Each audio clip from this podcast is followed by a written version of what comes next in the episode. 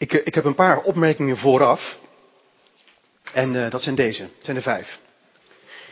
Als het gaat over goede en kwade machten, is één valkuil totale overschatting. En dan kom je uit bij een soort middeleeuwse gekte. Met heksenjachten en met heel veel bijgeloof en afkloppen en gedoe. Niet onder ladders doorlopen en heel veel, heel veel ingewikkeld. Er wordt het leven heel ingewikkeld van. Uh, die kant moeten we niet op. Er is een andere valkuil waar we denk ik in onze, ja, laat ik maar voor onze gemeente spreken, maar er zijn ook wel gasten, misschien dat u het herkent, uh, waar we volgens mij dichterbij zitten. En dat is uh, totale negering van goede uh, en kwade machten. dat je zegt dat was ooit deel van primitief eerste eeuws denken. Inmiddels weten we dat als iemand stemmen in zijn hoofd hoort, dat dat, dan moet hij naar de psychiater. En, uh, en daar zijn tabletten voor en poedertjes. Dan ontken je dat er, ook, dat er meer is dan alleen het psychi psychiatrische en psychische. De Bijbel is niet een boek wat ons bang wil maken. Dat is ook helemaal niet mijn bedoeling vanavond dat u heel uh, schichtig uh, dit pand verlaat en straks op ieder hoek van de straat om u heen gaat kijken. De Bijbel stimuleert wel om waakzaam te zijn. Dat is echt een kernwoord in het Nieuwe Testament bij Jezus en de apostelen. Wees niet naïef en hou je ogen en oren open. Wees waakzaam, zegt Jezus. En dat mag dan vanuit een basisvertrouwen van overwinning. Wij zijn volgelingen van Christus. Zo spreek ik u vanavond aan en jou. En als dat nog niet zo is, dan zou ik daar gauw werk van maken. Want als dat zo is, dan mag je in die kracht staan. En dan mag je dus ook met een zekere ontspanning uh, uh, in het leven staan. Want dan weet je, mijn Heer, die koning is van mijn hart, is ook de Heer over alle machten en krachten. Dat is het derde. En het vierde is dit. Straks bij de koffie gaat u vast zeggen, uh, ja, de duivel, ik weet het niet hoor. Er is ook een hoop rottigheid wat gewoon met de mensen te maken heeft. En het is ook de tijd waarin we leven. En dat is precies waar. Dat, dat beaam ik nu alvast voor de koffie. Eh, de apostel zegt het ook in de Efeziusbrief. Er zijn drie redenen voor de rottigheid waarin we leven. De wereld, dat is zeg maar de, de manier waarop we de, de, samenleving hebben georganiseerd, die heel dwingend is. Het is verrekt lastig om tegen de stroom in te leven, ook in onze tijd. Dus de wereld. Het vlees, dat is onze oude mens die altijd weer de weg van de minste weerstand kiest en zomaar weer slaaf is van dit of van dat. En de duivel. En daar hebben we het vanavond dus met name over. Maar vergeet die eerste twee niet. De wereld het vlees doet zeker mee. En daarnaast wou ik ook dit zeggen. Geestelijk naar de dingen kijken is een soort bril die je opzet, maar het is niet de enige. Er is ook de bril van de psychiater, van de, van de je kunt ook naar na, na je eigen leven kijken door de, door de bril van de biologie. Je bent ook een kind van je opvoeding. Uh, je kunt ook kijken naar het sociologische. Wij leven in Lunteren en daar, dus wij, wij leven in deze streek. Dus de streekaard speelt bijvoorbeeld mee. Uh, de families, de dorpsgemeenschap die wij samen vormen. Uh, je kunt op allerlei manieren kijken naar, naar, naar, naar wat er speelt in je leven. Maar het geestelijke is er ook één. En die wil ik vanavond vooral benadrukken. En het laatste is dit. Als u of jij nog nooit last heeft gehad van de duivel, dan zou ik me maar eens ernstig zorgen gaan maken. Want weet je wat het punt is? Als je genoegen neemt met een wat middelmatig geloofsleven en je niet uitstrekt naar je bestemming om echt in de kracht van Gods geest in deze wereld tot je bestemming te komen, en als je hem genoeg hebt aan een beetje kerkgang en religie, dan vindt de duivel het best. Maar op het moment dat jij of ik echt beginnen te bidden, onze knieën gaan buigen en ons beginnen uit te strekken naar de zegen van God en in zijn kracht willen staan, ja, dan komen er tegenkrachten vrij. Dan gaat van alles gebeuren in je leven. Dus als het in je leven spiegelglad is en je denkt, joh, waar heb je het over? Kwade machten, goede machten, ik heb nergens last van. Maak je zorgen. Maak je zorgen. En denk nog eens na over deze vraag van, ben ik dan wel voldoende radicaal in het me uitstrekken naar mijn bestemming? Of, of ben ik tevreden met een heel halfbakken christelijk leven? U merkt, ik ga vanavond echt flink in de scherpte zitten. En, in de, en uh, ik hoef niet uw beste vriend te worden, dus ik ga u ook een beetje irriteren. Uh, in die, en, en vanuit het verlangen dat we samen groeien. Hè? Dus, uh, het is een wake-up call. Ik begin met een, nu gaat de preek beginnen. De preek is dit. Ik begin met een citaat uit een boek van Peretti.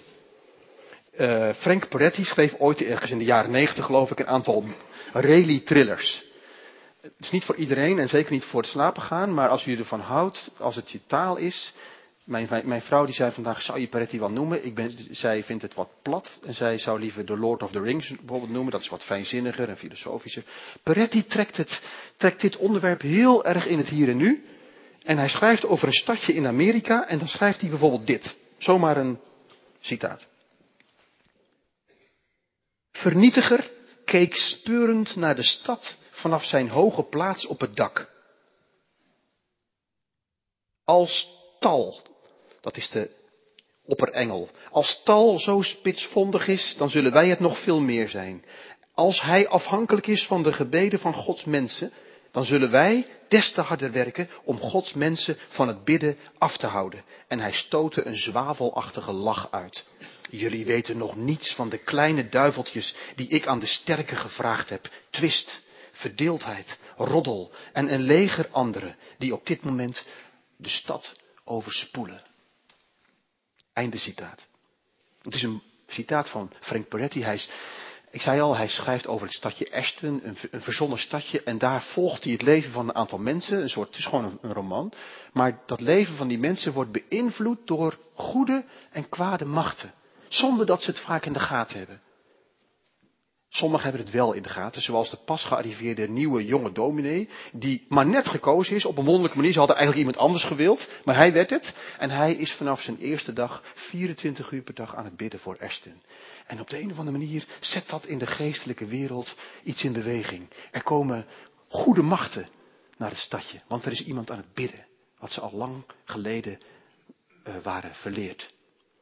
En in, in dat geestelijke rijk begint er zich een clash te voltrekken tussen Gods strijders, de engelen, en de demonen, de duivelen. En dat speelt zich dan af in mensenlevens. Eh, als u, als u zo'n boek nog niet gelezen heeft, u zou het kunnen proberen. Um, de vraag is dus, is dat in Lunteren ook zo? Zitten er op dit moment, als wij spreken, als wij hier zitten en luisteren, as we speak, zitten dan, zijn er ook Gods wachters in dit dorp? En is dat elke dag zo en elke nacht? Zijn er Gods bodes en boodschappers die hier in deze streek hun taken hebben, omdat ze toegewezen zijn aan de Veluwe? En God heeft gezegd, jullie stuur ik naar Lunteren en omgeving, om daar mijn opdrachten uit te voeren. En betekent dat dan ook dat er ook boodschappers van de duisternis zijn, hand, handlangers, geen boodschappers, maar handlangers van hem, die hier juist ook in dit dorp vernieling zaaien? Nou, ja.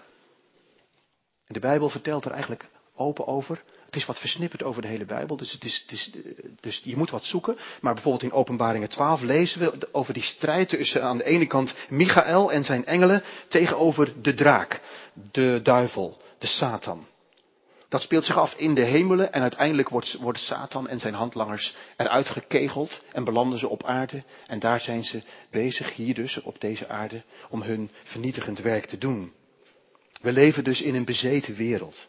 Waar boze machten aanwezig zijn en ingang hebben gevonden in het menselijk bestaan door de zondeval. En op ieder moment sindsdien dat een individu zich opent voor zonde. En hij kan ook binnenkomen door wonden. En als hij zo'n plek heeft gevonden in het mensenleven, kan hij zich dus daar, kan hij daar binnendringen en hij wordt in de Bijbel omschreven als een dief. Hij komt niks brengen, hij komt vooral veel halen. Hij komt roven en hij berooft mensen zoals u en ik van hun vrede, van hun vreugde, van hun kracht. En als Jezus naar de aarde komt, dan komt hij meteen de duivel tegen. In zijn eerste opdracht, hij is net gedoopt en hij wordt door de geest in de woestijn geleid en dan staat hij oog in oog met die, met die tegenspeler. Als je de Bijbel leest, klinkt dat als een fysieke ontmoeting. Dat hebben, dat hebben niet veel mensen. Maar Jezus kijkt het kwaad in de ogen en houdt stand met als wapen het woord van God. En hij noemt hem later in zijn onderwijs de vader van de leugens. De mensenmoordenaar van de beginnen. De dief. Hij ontmaskert hem. En we lezen in de apostolische brieven dat als Jezus sterft, hij niet alleen sterft voor onze zonden, maar dat hij dan ook alle machten en krachten verslaat aan het kruis. Die duivel die Jezus daar tegenkomt, blijkt een heel leger te hebben van vele helpers. Duivelen noemen we ze, demonen. Ze worden onreine geesten genoemd in de Bijbel, want ze zetten mensen aan tot gedrag wat niet bij Gods goede leven past. Het is onrein. Ze worden ook boze geesten genoemd. Ze hebben dus kwade bedoelingen. Schadelijke bedoelingen. En ze hebben flinke kracht, bovenmenselijke kracht. In Handelingen 19 lezen we dat er zonen van Skeva zijn die denken dat ze het kunnen opnemen tegen de boze en ze maken geen schijn van kans. In hun eigen kracht. En er is de man in Gardera, waar het hele dorp op afstand blijft, want niemand kan hem binden. Hij is vol van demonen en, en, en, en heeft daarmee zoveel fysieke kracht dat, dat mensen hem niet kunnen hanteren. Hij is de schrik van de omgeving, een plaag voor de streek. In Marcus 9 lezen we over een maanzieke knaap die op de grond wordt gesmeten, in het vuur zich pijn doet. In de synagoge van Cafarnaum lezen we over iemand die begint te schreeuwen en te stuiptrekken. Het is geen grapje. En het is ook niet, uh, het, het, is groter dan, dan het menselijke. En er zit ook tussen die demonen verschil in kracht. Jezus vertelt het verhaal dat één geest een leven verlaat, dat huis blijft leeg en hij komt terug en dan neemt hij zeven sterkere geesten mee. En daarmee zie je dat er verschil is in kracht. Sommigen zijn bozer en kwaarder dan anderen. Er zijn er veel. Jezus bevrijdt veel mensen die hij tegen. Telkens als Jezus een dorp binnenkomt, dan lijkt het wel alsof mensen die dit kwaad in zich hebben toegelaten, zich naar Jezus, aan Jezus opdringen. En Jezus moet ze daar vrij van maken. En soms zijn er in één mensenleven heel veel krachten gebundeld. Eén man zegt dat hij een legioen boze geesten in zijn leven heeft. Dat blijkt wel uit het feit dat als ze zijn leven verlaten, ze in maar liefst 2000 zwijnen verdwijnen. Die, die kwade krachten hebben verschillende taken. Sommige zijn toegewezen aan een gebied. In Daniel 10 lezen we dat, uh, lezen we over de vorst van Perzië, de vorst van Syrië, Griekenland. Er zijn blijkbaar in het duistere rijk uh, machten die zich op een bepaald gebied concentreren. En er zijn ook machten die verschillende taken hebben. Sommige worden in de Bijbel geest van zwakheid genoemd, een geest van waarzeggen, een geest van doofheid. Die machten kunnen dus in ons lichaam functies uitschakelen, kunnen ons ziek maken. Ik zeg daarmee niet dat iedere ziekte demonisch is, maar er kunnen machten je lichamelijk of psychisch je leven echt vergallen, ver, ver, verzieken. Um, wie een kind van God is, wie een kind van God is en oprecht zijn leven aan Jezus heeft gegeven, kan niet bezeten zijn. Kan niet zo vol zitten met boze machten dat hij, dat, dat hij zelf geen stuur meer heeft. Maar kunnen wel in delen van hun leven die macht aanwezig zien. Daarover zo meer. Er zijn ook dwaalgeesten. Dwaalgeesten die mensen in verwarring brengen over wie ze zelf zijn. Ik kom zulke mensen wel eens tegen, eerlijk gezegd. Die altijd vragen hebben, altijd onzeker zijn en ook zo blijven. Dwaalgeesten die in je leven je permanent onzeker kunnen maken over jezelf, over je bestemming, over God, over gebed. En altijd is er één wolk van onzekerheid rond hen. Als je die lijn doortrekt, zou je kunnen zeggen, er is een geest van trots. Er is een geest van seksuele onreinheid. Er zijn geesten van, abs, uh, van, uh, van hebzucht. Er, er, zijn machten van verdeeldheid. Die alleen maar ruzie maken. In een, in een huwelijk, in een gemeente, in een dorp. Er zijn geesten van, van zelfgenoegzaamheid. Dat je gewoon, gewoon heel blij bent met jezelf. En daar genoeg aan hebt. Nou, zo zijn er oneindig veel uh, machten. Um, hoe ver reikt die macht van de boze nou? Nou, de kerkvaders hebben al ons dat geleerd. Ze zeggen, vergelijk het met een stad. Uh, je kunt, een, een stad kan omsingeld worden dan, dan is de boze om je heen en die valt je aan. Paulus bedoelt dat als hij zegt, er is een, een engel van Satan die mij met vuisten slaat. Die is buiten zijn leven. Paulus is een man van God, hij laat hem niet binnen, maar hij heeft er wel behoorlijk, een behoorlijk gevecht mee. Dan ben je omsingeld. Psalm 118. De boze omringt mij als bijen, als een zwerm bijen. Wie kent het niet dat hij tot gek worden toe in aanvechting verkeert? Aangevallen wordt met, met, met, met, met, kan, kan van alles zijn. Met, met, soms met vloeken in je hoofd. Dat je denkt, ik hou van God, maar het begint in mij te vloeken. Of een, of een onreine gedachte die je eigenlijk niet wilt, maar die zich gewoon meester van je lijkt te maken. En waar je je tegen verzet. Dan, dan ben je omsingeld. Dan is het kwaad buiten je, maar, maar, het, maar je ligt op het rooster. Jezus zegt, Simon, Simon, de boze heeft je begeerd te ziften als de tarwe. Maar ik heb voor je gebeden, dat jouw geloof niet ophoudt. Je kunt dus gezift worden. De tweede fase, de tweede manier is, is, is uh, schadelijker. Dan, uh, dat, dat noem je uh, gebondenheid. Dan is de boze niet om je, maar dan heeft hij een ingang gevonden. Dat kan soms ook door je familie. Soms kunnen er in je voorgeslacht dingen zijn gebeurd die niet, die niet oké zijn. Het kan, het kan een zelfmoord zijn, het kan een occulte invloed zijn, het kan een, een enorme ruzie zijn geweest, het kan, het, kan, het kan incest zijn geweest. Er kunnen in je voorgeslacht ingangen zijn geweest voor de boze, waardoor de boze zich van geslacht op geslacht de ingang houdt. En soms zie je dat over een lijn in de familie, zie je dat terug, dat bijvoorbeeld in een bepaalde familielijn er, er een bepaald patroon zichtbaar is in, in zwaktes of in bepaalde gedragingen. Ik zeg niet dat het altijd zo is, maar het kan. Maar je kunt ook in je eigen leven beslissingen nemen die heel ongelukkig uitpakken. Waardoor je ingang geeft voor de boze. Uh, dan is er in die muur, stadsmuur, zijn er bressen geslagen. Omdat je verkeerde gewoontes ontwikkeld hebt. Verkeerde gedachten. Je hebt naar verkeerde dingen gekeken. Verkeerde dingen gelezen. Naar verkeerde muziek geluisterd. En je hebt soms iemand toegelaten, een natuurlijke genezer. Aan de Klomperweg schijnt iemand te wonen die, die, die, die een natuurlijke genezing doet. En die, die, die, zegt in haar, die zegt in de kringen rond haar dat ze een witte heks is.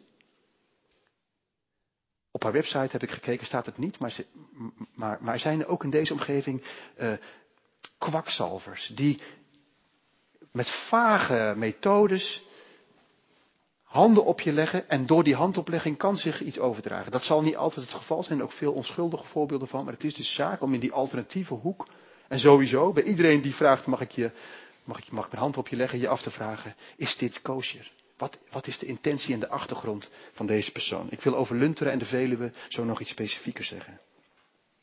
De ergste trap is bezetenheid. Dat die machten in je leven het stuur hebben overgenomen. Dat gebeurt niet als je een kind van God bent. Dan ben je daarvoor beschermd. Maar er zijn wel satanisten. Die soms ook in de kerk komen. En daar dan tot geloof komen. Waarbij die hele schoonmaak geestelijk zo'n klus is. Omdat de boze zich op de troon heeft gevestigd. Weet je, Satan is, zeer ervaren. Hij heeft uh, heel veel ervaring. Hij heeft uh, duizend, duizenden jaren ervaring. Weet precies, hij kan ons leven, hij kan ons leven lezen en weet waar onze zwakke plek zit. En hoe hij dat, dat daar, pakt hij ons bij onze lurven, kan ons bijvoorbeeld permanent onzeker maken een leven lang. Of zo druk, dat we nooit nee kunnen zeggen, altijd te druk zijn en zo onze bestemming missen. Of, uh, en dat doet hij met veel kerkmensen, zo een draai geven aan onze gedachten dat we bidden saai vinden, de Bijbel ingewikkeld en zo nooit echt tot een gebed komen. Wel gebeden uitspreken, maar niet echt eerlijk zijn. En de Bijbel een moeizaam boek vinden, wat soms even voorbij schiet, maar nooit echt binnenkomt. En zo knipt de boze de toevoerlijnen door. Geen woorden van God komen er binnen. Uh, geen woorden gaan van jou naar God, want, want die lijnen zijn fake.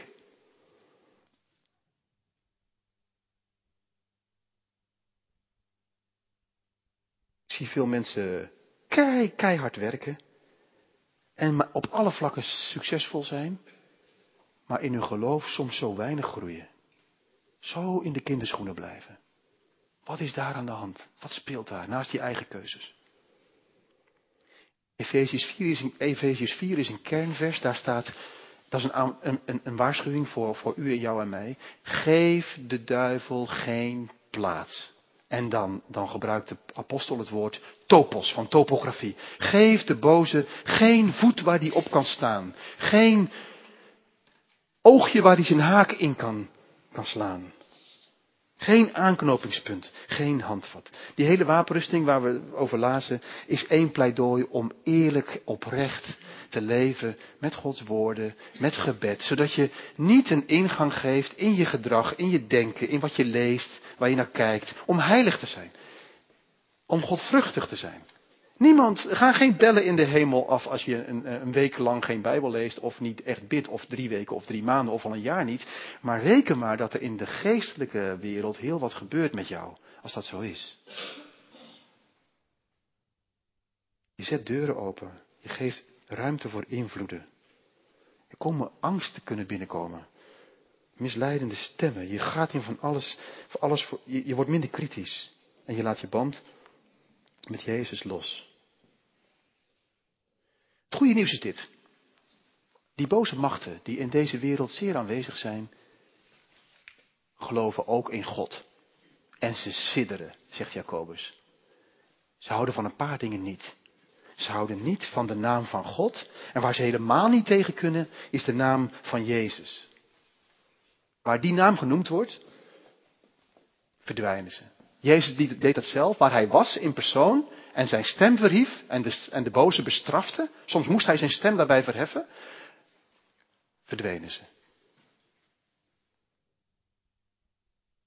Zwijg, ga van hem uit en ze gehoorzaamden en gingen van hem uit zonder enig kwaad te doen. En zegt Jezus, ik stuur jullie als mijn strijders in deze wereld. En als jullie ooit ergens in aanraking komen met zo'n macht en kracht, noem mijn naam, stap in je schoenen en drijf die boze uit. Hij houdt geen stand waar mijn naam klinkt. Doe dat in de kracht van mijn geest. In Marcus 16, als hij ze uitzendt, als tekenen zullen deze dingen de gelovigen volgen. Zij zullen zieken genezen, zij zullen in mijn naam de boze geesten uitdrijven. In de afgelopen 4,5 jaar dat ik predikant ben in Lunter heb ik dat verschillende keren mogen meemaken. Dat we met iemand, meestal in de kelder van onze kerk waren, een gemeentelid, en dat we met ons gebedsteam gebeden hebben en onder handoplegging bevrijding hebben uitgesproken. Soms met wat hulp van buitenaf.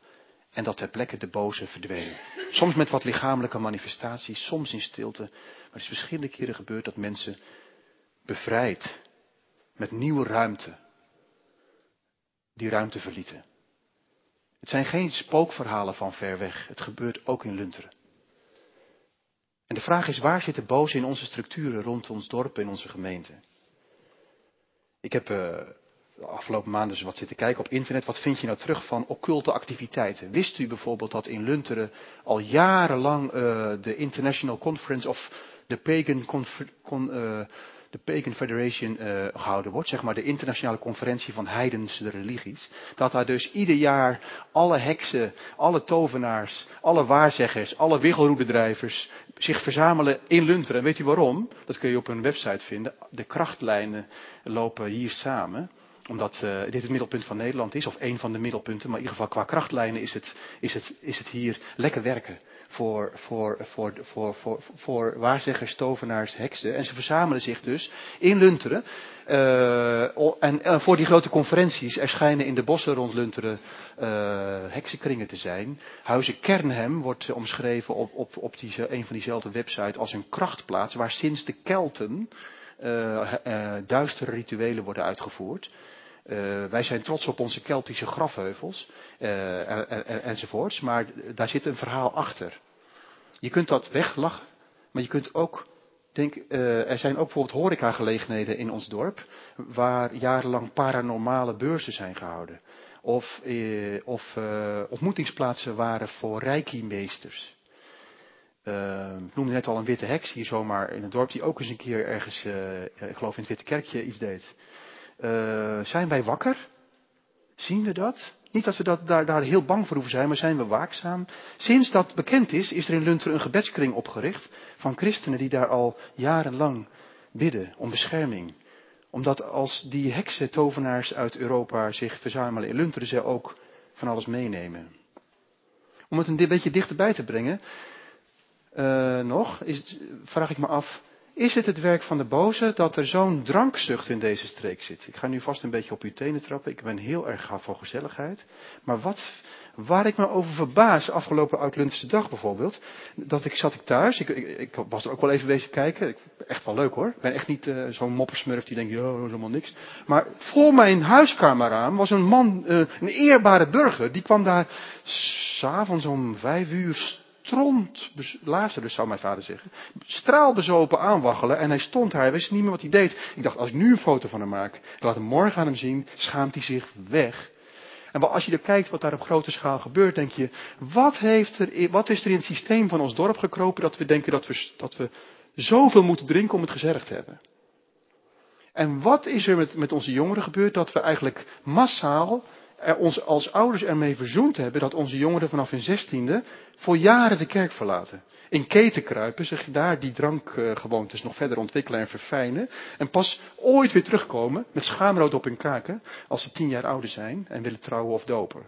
En dat wij ze dan ook nog bij de reutemeteut op wagens zetten, met die keten erbij, allerlei ranzige teksten, en dat er ook nog voor klappen. Dan denk ik van, wat, waarom doen we dat? Wat is er in ons systeem gekropen dat we dat allemaal doen? Wie, wie lacht hierom? Wie vindt dit fijn? Het wordt stil, merk ik.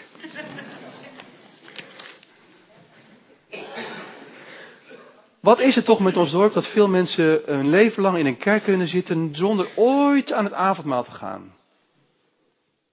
Hoe kan het toch dat in een gezin of een familie avondmaalsmijding wordt voortgeplant tot in het derde en vierde geslacht? En dat dat niet of nauwelijks te doorbreken is. Wat is daar gebeurd in het verleden? Hoe wordt dat gecultiveerd? Ik had van de week een gesprek met mijn beleidingsgroep en uh, nou, over vrijmoedigheid, over hardop bidden, je stem laten horen aan God. En dat was gewoon een eerlijk gesprek in alle kwetsbaarheid. Ik heb er ook begrip voor dat, dat je dat, als je dat van huis uit niet geleerd hebt, dat je dat dan moeilijk vindt. Maar hoe kan het dat wij die onvrijheid voortplanten en ook op onze kinderen weer leggen? En dat wij in onze catechese soms kinderen moeten leren om voor het eerst van hun leven hardop te bidden. Wie, wie lacht daarom? Wie heeft daar een flinke glimlach over op zijn gezicht als het hele gebedsleven alleen maar in stilte gebeurt en je soms je huwelijkspartner nooit hoort bidden of zingen? Wie, wie, is daar blij mee? Welke machten zijn dat?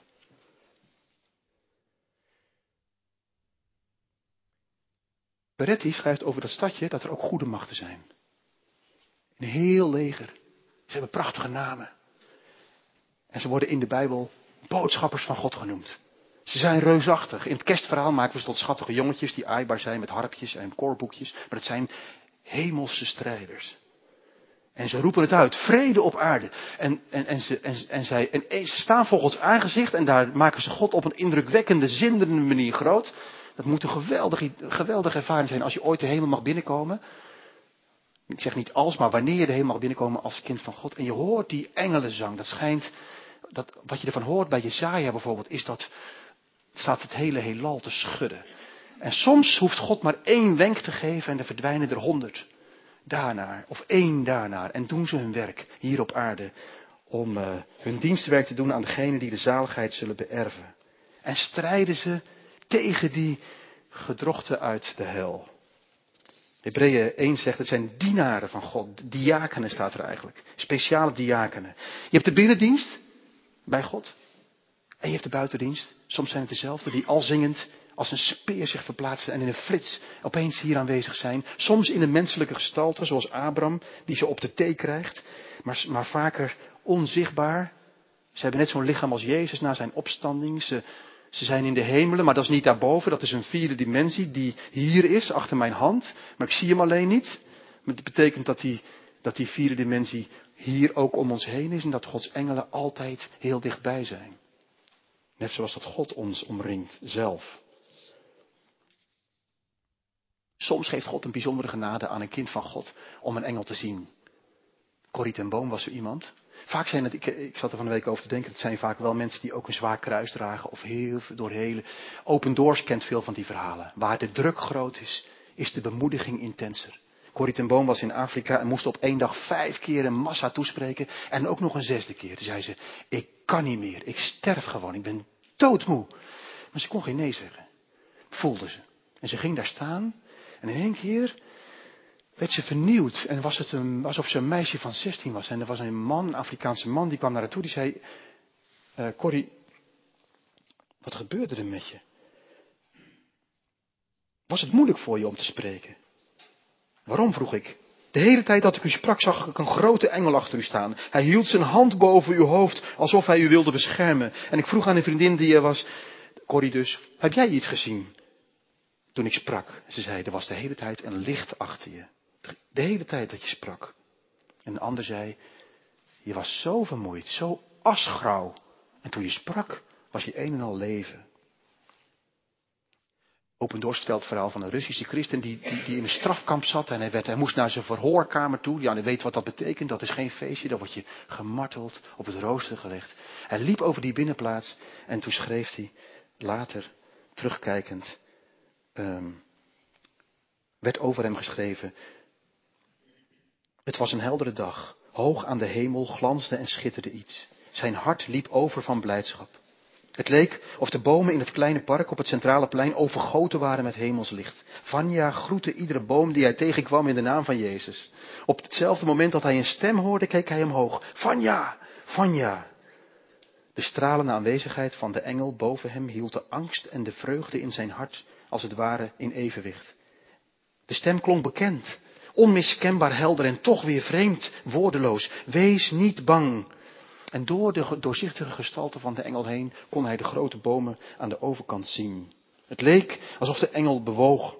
En terwijl hij zijn blik op hem gevestigd hield, begon Iwan weer te lopen en de straling van de engel verlichtte het park veel helderder dan de zon. Toen sprak hij weer, wees niet bang, ik ben met je. Iwan kon geen woorden vinden om te antwoorden. De blijdschap brandde in hem als een vuur. En het goede nieuws is dit, die engelen worden, worden uitgezonden, zijn dienaren van degene die de zaligheid zullen beërven. Is niet alleen de reuzen in het koninkrijk, de Corrie en Booms en de Iwans, maar gewoon mensen zoals u en ik, in hun kwetsbaarheid, die God op het oog heeft om ze tot hun bestemming te brengen. Dus stuurt hij ze ook in uw bestaan en in het mijne, beschermend, bemoedigend, zegenend, ook al zien we ze nooit. Wij die soms ongelukkige keuzes maken, wij die soms een rommeltje van ons leven maken, wij die soms veel hebben om ons voor te schamen, naar ons stuurt God om die engelen, om ons te beschermen tegen de boze. De meesten van ons zullen waarschijnlijk nooit een engel meemaken, zien in ons aardse leven.